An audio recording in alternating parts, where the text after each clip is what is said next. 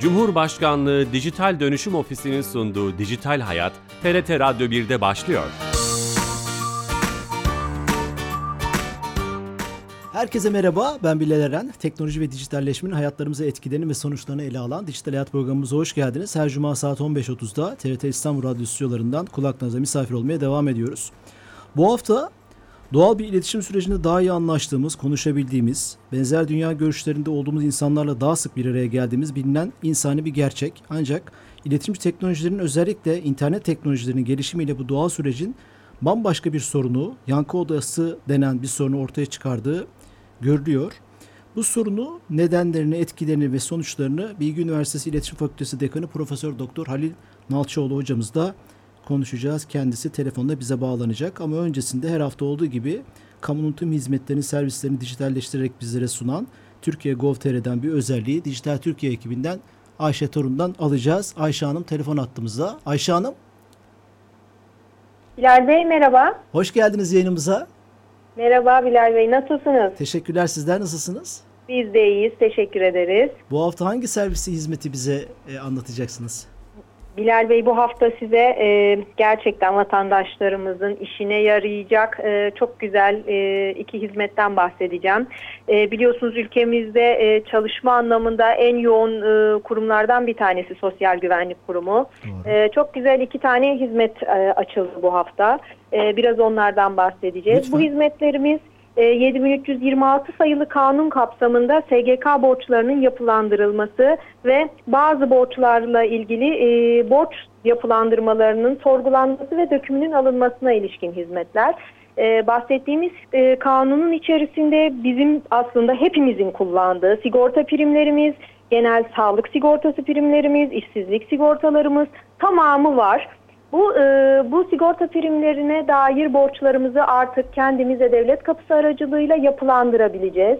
Ödeme planlarını kendimiz yapabileceğiz ve bu hizmetleri aynı zamanda e, yapılandırdığımız bu borçları sorgulayabileceğiz ve dökümlerini alabileceğiz.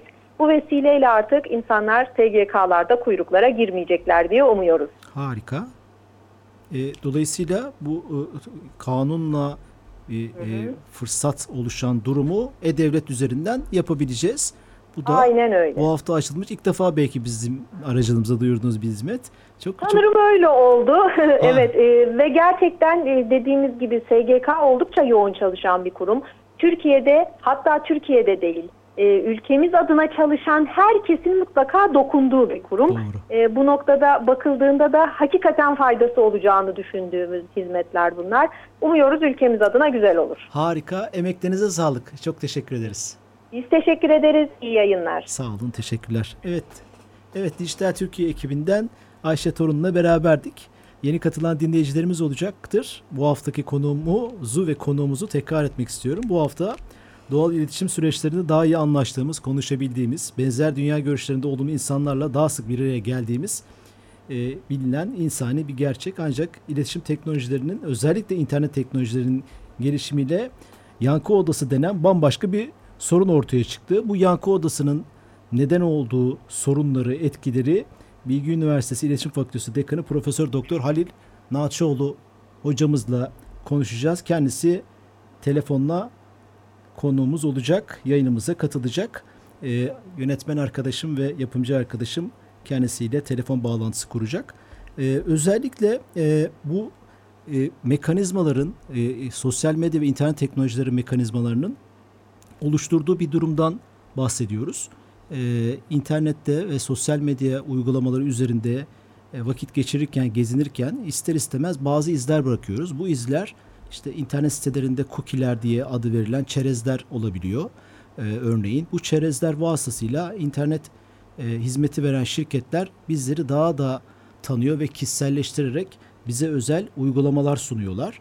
Bu uygulamalar neticesinde e, biz e, aradığımız şeyi, bize benzeyen şeyi, bizi e, öğrendiğimiz şeyi veya aradığımız şeyi bize uygun getiriyor. E, isteklerimize göre, hayat tarzımıza göre e, olan şeyleri bize sunuyorlar ve bu e, farklı dünya görüşlerinden, farklı e, sistemlerden, farklı uygulamalardan haberdar olmamaya başlıyoruz bir süre sonra. Bu ilk bakışta kolay ve e, etkili gibi görünse de e, hayatımızı kolaylaştıran bir servis, bir iş modeli gibi gözükse bir süre sonra farklı şeylerden hiç haberimiz olmamaya başlıyor. Yankı odası kabaca buna diyor deniliyor. Hocamız ile konuşacağız. Kendisi telefon attığımızda. Halil Hocam hoş geldiniz. Hoş bulduk. Merhabalar. Ee, sanırım telefon bağlantısında bir şey oldu. Sizi bir süre beklettik. Kusurumuza bakmayın. Sıkıntı yok. Evet, ee, hoş geldiniz yayınımıza. Nasılsınız öncelikle? Hoş bulduk. Çok teşekkürler. Siz nasılsınız? Her Sa- şey umarım. Sağ olun. Çok teşekkürler. Ee, heyecanlıyız. Bu önemli bir konu. Bir süredir de e, özellikle iletişim teknolojileri ve iletişim alanındaki uzmanlar tarafından e, nitelendiriliyor. Siz de bu alanda çalışan bir uzmansınız. Evet. Şöyle bir tanımla başlayalım mı? Ben girişte biraz bahsetmeye çalıştım. Doğal bir şey bu Tabii. dedim ama bu doğal şey e, giderek doğal olmayan bir şeye evrilmiş gibi gözüküyor. Yankı doğru, odası doğru. etki nedir hocam? Ya, yankı odası dediğimiz şey aslında inançların, kanaatlerin, e, karşı görüşlere kapalı bir sistem içinde sürekli tekrarlanarak güçlenmesi, bu yolla tahkim edilmesini anlatan bir metafor, bir şey, ta, e, teşbih diyelim. Tamam. Ya bunu belki daha iyi anlatmak için şöyle bir örnek vereyim. E, askerliğini yapanlar bilirler yani. Garnizonlar, e, kışlalar kapalı sistemlerdir. Onların içinde sürekli bir takım fikirler doğar. Bunlardan mesela diyelim ki e, erken terhis edilecekmişiz e, gibi e, askerler arasında bir laf dolaşır. Evet. Bir süre sonra bu dışarıdan test edilemediği için bu söylenti değil. Ama bir süre sonra bakmışsınız hakikat gibi olur. Herkes tarih falan verir hatta.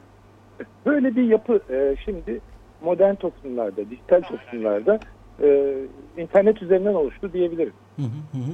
O çok güzel bir örnek oldu hocam. O, o bayağı biz e, şehir efsanesi şeklinde konuşmaya devam ederiz. E, dediğiniz gibi test etme imkanı da olmayınca özellikle askerlik yapan dinleyicilerimiz bunu bilecektir. Peki hocam bu tabii aslında e, e, ben açarken programı da böyle ifade ettim.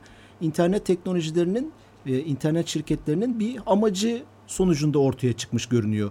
Bunun bu ortaya çıkışın sebebini konuşalım mı veya sebeplerini teknik sebepler de olabilir, başka iş modelleri de olabilir. Tabii tabii.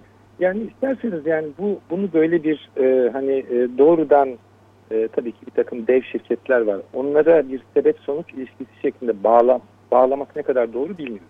Ama e, sanırım siz de bahsettiniz yani e, yayında.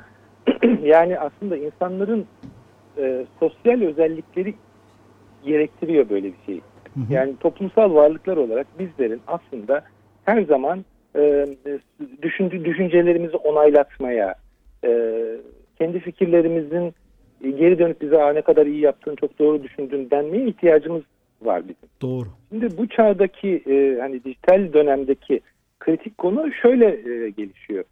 Bizim bu özelliğimiz yani bu onaylanma ihtiyacı diyelim buna.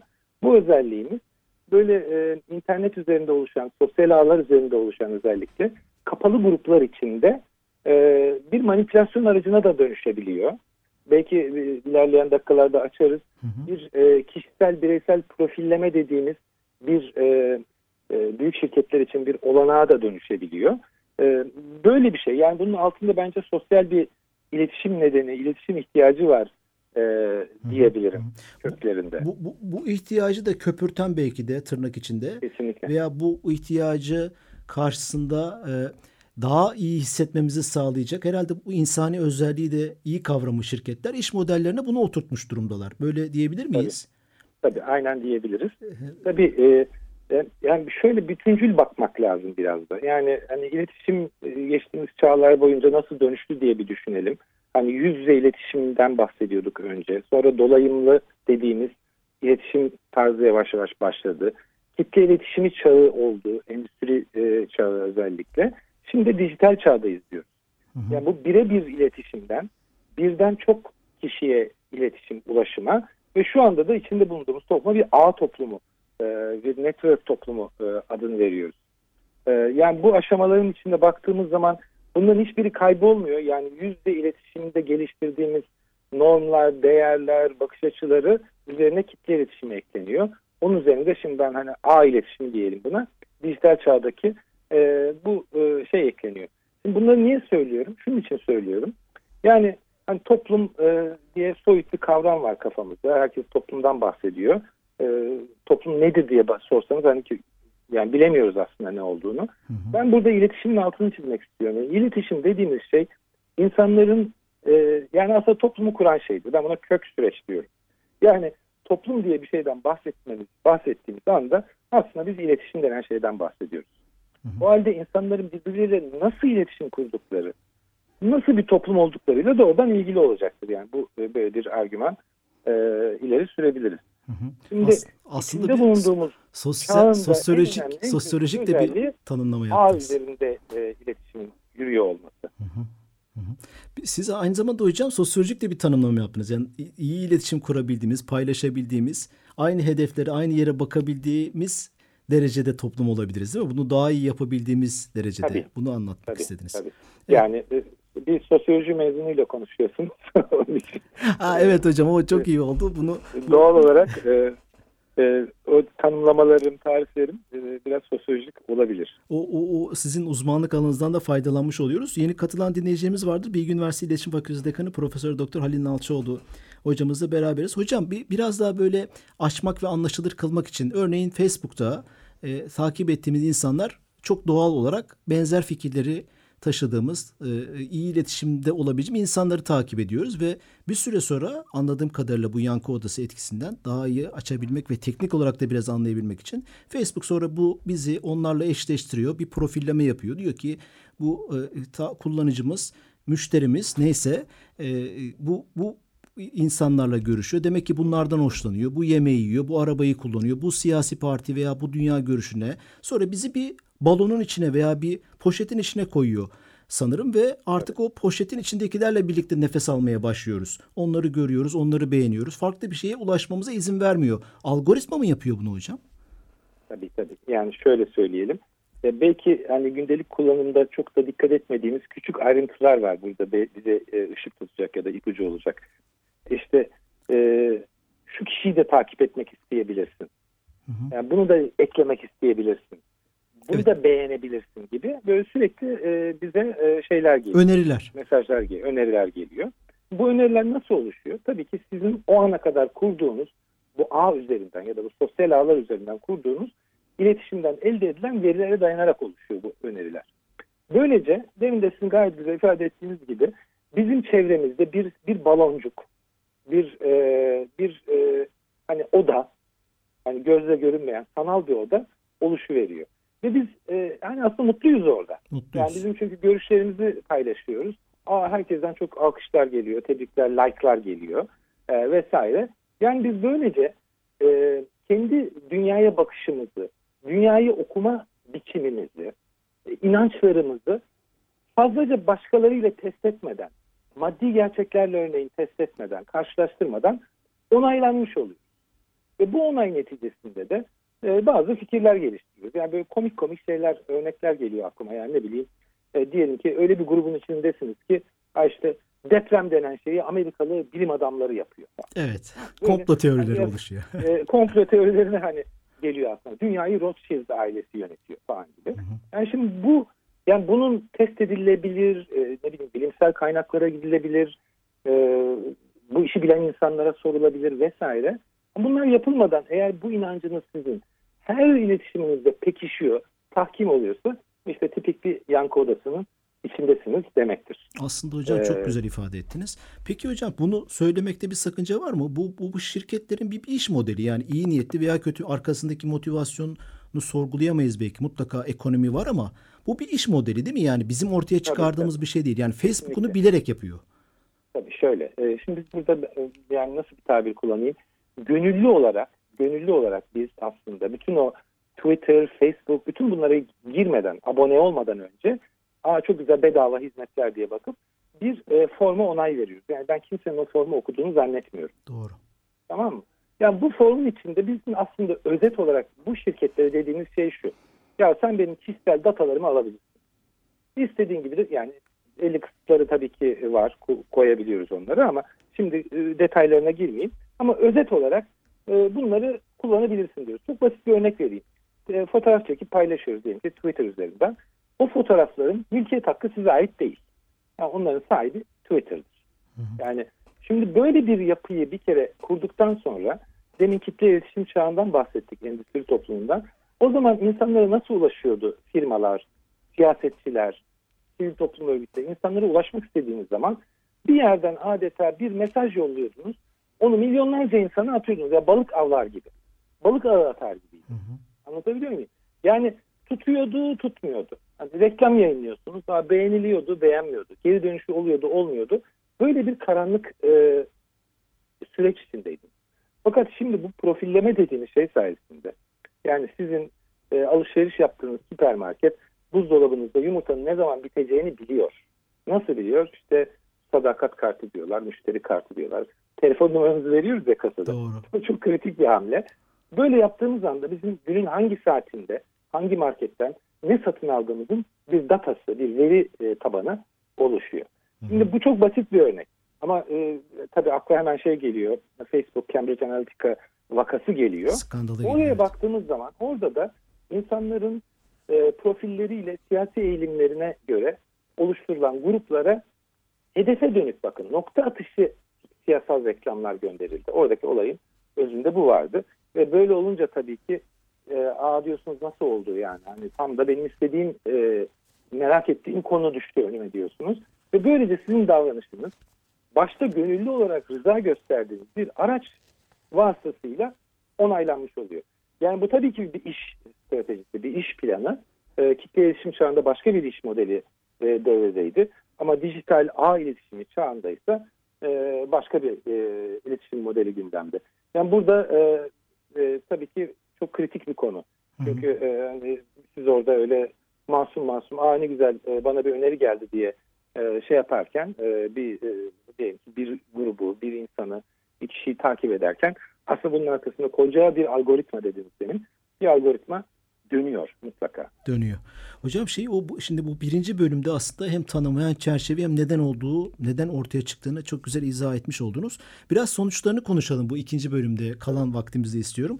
Şimdi bu e, aslında biraz bizi mutlu etse de aynı görüşte olduğumuz insanlarla, iyi anlaştığımız insanlarla e, veya hoşumuza giden şeylerle karşılaşmamız bir süre sonra bizim aslında sınırlarımızı da belirlemiş oluyor. Böyle tarif edebilir miyiz bilmiyorum. Çünkü bir odaya girmek demek dört duvar sınırlarınız var. Yan odayı görmüyorsunuz. Bu e, sonuçlarını konuşalım. Aynı zamanda Konuşalım. belki de siz sosyoloji kimliğinizle de şapkanızla da bu bir körleşmeye, fikir körleşmesi olabilir. Başka bir şey olur. Neden oluyor mu? Sonuçları neler? Böyle e, dört tane temel sonuçtan bahsedebiliriz burada. Bir tanesi bizim de e, Türkiye olarak son yıllarda çok tartıştığımız, üzerine çok yayın yapılan, araştırma yapılan toplumsal kutuplaşma dediğimiz şeye katkısı oluyor. Bu yankı odası etkisi. Yani ben burada belli bir fikir geliştirirken benim görüşümde olmayan birileri başka bir yerde başka bir fikir geliştiriyor ve biz aslında polarize olmuş, kutuplaşmış bir toplumun iki ayrı grubu olarak kendi dünyamızda tırnak içinde mutlu mesut Yaşıyoruz. gidiyoruz. İkincisi politik kutuplaşma. Yani siyasi görüşlerimiz anlamında da keskinleşiyoruz, e, yükseliyoruz, e, bir takım ideolojileri hakikat gibi tanımlamaya başlıyoruz ve gene karşı siyasi gruptan olan e, yurttaşlarla, e, aynı toplumda yaşayan insanlarla bir e, kutuplaşma içine giriyoruz. Bizi radikalleştiriyor mu hocam bu? Bu çok enteresan. Aynen. Şimdi ona geliyordum. Çok doğru söylediniz. Aşırıcı, aşırıcılık dediğimiz, radikallik dediğimiz ya da marjinallik dediğimiz çok tehlikeli sonuçları da olabilecek bazı grupların da şekillenmesine bu yankı odaları tabii ki e, katkıda bulunuyor. Son olarak dördüncü olarak da bir homojenleştirme ve tek tipleştirme e, etkisinden e, söz edebiliriz. Yani özellikle e, sosyal medya ağlarında dünyadan izole adeta böyle kültürel kavim diyorlar.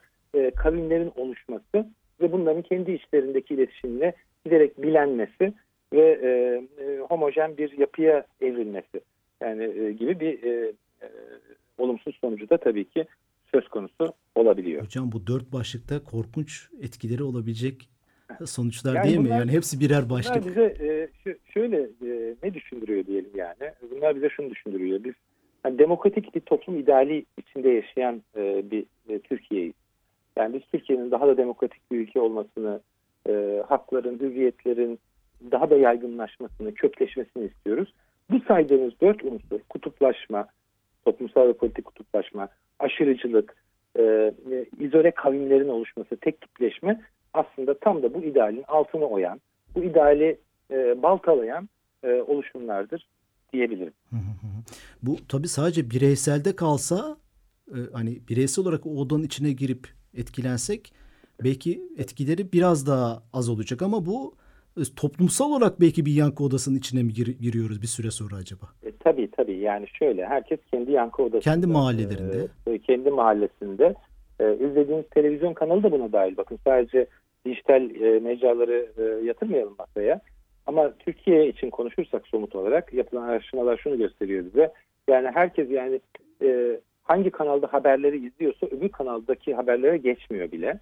E, çok fazla bir çeşitlilik de kalmadı e, gerçi şu anda ama e, adeta adeta insanlar izledikleri e, diziler konusunda bile kutuplaşıyorlar. Yani e, bu diziciler ve bu diziciler oluşuyor. Onlar yan yan yola hiç bakmıyorlar. Kafayı hiç kaldırmıyorlar. Böyle gözlemlerde hem iletişim araştırmalarında karşımıza çıkıyor. Sosyolojik tahlillerde de zaten e, karşımıza çıkıyor. Şimdi siz anlatırken koronavirüs sürecindeki yalan haberler ve oradaki komplo teorileri de e, aklıma gelmeye başladı. Yani bir kesim e, veya işte bu yankı odalarından etkilenen insanlar diyelim kendi mahallelerinde ya koronavirüsün bir Çin biyolojik savaş aygıtı ürünü olduğunu Tabii. düşünenler e, işte bunun bir e, insanı bu ruhsat alınmadı. Mesela dün bir Twitter'da bir tartışma şey yaptım. Bu aşı alınmış, ruhsatı alınmış aşıların ruhsatların olmadığı, Dünya Sağlık Örgütü'nün inandırıcılığını kaybettiği. Yani temel şeylerin bile doğruların bile tartışıldığı veya inanılmadığı bir şeye mi sebep oluyor acaba? Evet, evet. Nasıl çıkacağız bunun içinden değil mi? Ee, yani mesela aşı karşıtlığı gibi bir fenomen var. Yani bizim aslında demokratik toplum ideal derken şunu söylüyor. Aşı karşıtı olanların da e, tartışmaya dahil olması. Onların da Evet. argümanlarını Do- söylemesi. doğru. Ve e, onun karşısında duranların da yani bir şeffaflık beklentimiz var. Halbuki ne oluyor? Aşı karşıtları e, bütün dünyada bu arada Türkiye'de değil sadece. Bunların oluşturduğu bir kapalı e, oda. Bir e, buna e, epistemik bubble, e, bilgi baloncuğu diyelim. Hı hı. İçinde yaşayıp gidiyorlar. Yani izledikleri kanallar belli, takip ettikleri telegram grupları belli, e, ne bileyim sosyal mecralar, Twitter'da, Facebook'ta, Instagram'da bunların hepsi sadece onlara özgü enformasyonu yayan ve dağıtan e, ve dolayısıyla bir tür e, hani loop yapan derler ya. Loop, evet. Dönüp, e, Döngü. e, fasit daire eski deyişle bir e, kapalı devre düşünce üretme sistemine e, dönüşmüş oluyor maalesef. Bu da tabii ki demokrasiyi doğrudan yaralayan e, bir e, bir oluşum diyebilirim. Hı hı. Hocam bu sonuçları da konuştuktan sonra belki kalan vakitimizde tabii çok derinlemesine çok boyutu olan bir konu. Radikalleşmenin fiziki şeyleri de olabilir. Birbirimize zarar verme, birbirimizi dinleme. E, oluyor da. ikinci, görüyoruz. üçüncü, beşinci aşaması başka yerlere de gidebilir. Tabii, gidebilir. Ne peki hocam? Yani burada e, bu işin şeytanı sosyal medya şirketleri mi? Ne yapmamız lazım?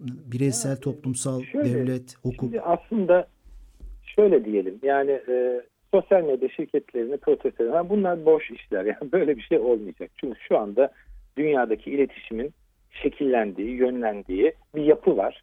Bu yapıda da e, kapitalist bir dünyada yaşıyoruz. Bu yapıda bu dev şirketleri her biri bir devlet cirosuna, bütçesine sahip dev şirketler yönlendiriyor.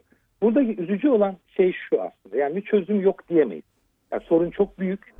Sorunun büyük olma nedenlerini biraz aşağı yukarı konuşmuş gibi olduk ama yani çözüm çözüm dediğimiz zaman da aslında bayağı zor bir e, süreç var. Nedir bana soracak olursanız çözüm yani örgütlü, yaygın, sürekli güncellenen bir dijital okuryazarlık e, ve tabii ki medya okuryazarlığı e, e, ekosisteminin diyeyim oluşturulması. Hı hı. Yani bu ne, ne getirir bize? Bilgileri ikinci, üçüncü kaynaklardan doğrulama alışkanlığı getirir. Çok kaynaktan bilgi alma prensibini getirir. Ee, ne bileyim yani geleneksel yaygın medya kanallarıyla bağı kopartmamayı da getirir. Yani sadece Instagram'da ya da Twitter'daki grubunuzda e, grubunuza yetinmemenizi gerektirir. Radyoda dinlemeniz Yeterli. lazım mesela bir anlamda. Şimdi oraya geliyorum. Kesinlikle, kesinlikle. E, radyoyu ben özellikle çok seviyorum. Çünkü e, yani kime konuştuğunuzu bilmiyorsunuz ya radyoda. Doğru. Harika doğru. bir şey. E, Doğru. harika bir şey. E, bağ, bağlantısız, bağımsız kaynaklara, örneğin kitaplara başvurmamızı e, e, getirir. E, ve e, tabii ki burada üniversiteleri de biraz kayırayım. Yani manipülasyon ihtimali düşük web kaynaklarına, üniversite sitelerine, bilim kuruluşlarına, bazı STK sitelerine başvurma alışkanlığını yaygınlaştırmak, geliştirmemiz Hı hı. gerek. Bireysel önlemler. Siz takip etmişsinizdir. Bunlar bireysel önlemler. Evet, siz takip etmişsinizdir. Amerika e, Senatosu'na Demokrat ve Cumhuriyetçi partileri uzlaşarak şirketlerin bu dev şirketlerin bölünmesi, e, işte satın alamaması gibi e, önlemleri içeren çok büyük güç olduklarını düşünen 4-5 e, farklı yasa tasarısı verdiler. Devletlerin müdahalesini bu konuda şey buluyor musunuz? Bir çözüm. Tabii çok önemli. Yani şimdi devletleri de masum aktör olarak saymıyorum. Ben burada. Onu, önce onu söyleyeyim. Çünkü biraz önce bahsettiğim profilleme, kişi bilgisinin şirketlerin eline geçmesi ne kadar kötüyse diyelim ki bir devletin, kötü niyetli bir yöneticinin diyelim ki eline geçmesi ya da yönetici bir grubun eline geçmesi de o kadar kötüdür. Ama neyse ki neyse ki e, dünyada yalnız değiliz. E, devletler de birbirlerini denetliyorlar. Bir demokratik oluşum, bir demokratik devlet silsilesi de yok değil. Orada devletlere de tabii ki çok önemli bir e, görev düşüyor. Bu birinci maddede söylediğim yani bireysel önlemlerde söylediğim işin eğitim alanına taşınması lazım. Doğru. Yani hiç kuşkusuz ilk öğretimden başlayarak eğitim sisteminde e, yurttaşların sorgulayıcı, eleştirel bakan bir kafa yapısına sahip insanlar olarak yetiştirilmesini temin etmek maksadıyla böyle bir e, müfredat, böyle bir bakış açısı eğitimde e, yerleşmeli diye düşünüyorum. e, yani e, örgütlü toplum olmak e, diyorum. Yani ne devletin ne şirketlerin arasında sıkışıp kalmamaktır bu bahsettiğim şey. E, sivil alanda, benim sosyal alan, sosyal küre diyeceğim alanda e, birbirimize daha fazla temas kurarak diyeceksiniz ki nereden temas kuracağım? yani bu ağlar var. Ama bu, burada benim gene bireysel bir öneri olarak hiç kuşkusuz e, offline e, diyeceğimiz çevrim çevrim dışı e, bağlantılarımızın e, üstüne titremeliyiz. Güçlendirmeliyiz e, onları. Akrabalık, Anladım. komşuluk, e, kapı arasındaki sohbetler bunların ne kadar önemli olduğunu belki de en iyi bu dönemde görüyoruz. Doğru. doğru. E, bu korona e, kısıtlamaları nedeniyle doğru. hasret kaldık birbirimize adeta. E, bu bağların da çok büyük önemi olduğunu düşünüyorum. E, çünkü onların orada kurulan iletişimler yani yüz yüze iletişimler e, hiçbir algoritma filtresinden geçmiyor. Doğrudan doğruya insan insana bir temas e, sağlamış oluyor. Evet. Ama demek soruya dönersek yani devletlerin tabii ki e, çok önemli bir e, katkısı var. Hukuk sistemlerinin e, güncellenmesi gerekiyor. Çünkü biliyorsunuz bu dijital e, Hocam süremizin sonuna geldik ama çok tamam, kıymetli konuşuyorsunuz ama şey yapmak zorunda kalacağım. Hem sosyoloji hem iletişim İlk defa başıma geliyor. Sağ olun hocam. Sağ Hem sosyoloji hem evet. iletişim şapkanızı sizden evet. istifade ettik. Çok teşekkürler hocam. Ben teşekkür ederim. Sağ olun, sağ olun. Teşekkürler. Evet, e, Bilgi Üniversitesi İletişim Fakültesi Dekanı Profesör Doktor Halil Nalçıoğlu hocamızla yankı odaların etkilerini ve sonuçlarını konuşmaya çalıştık. Bu programımızın kaydı yarına itibaren YouTube ve podcast kanallarında olacak. Haftaya yeni ve bir konu ve konukla beraber olacağız. İyi hafta sonları, hoşçakalın.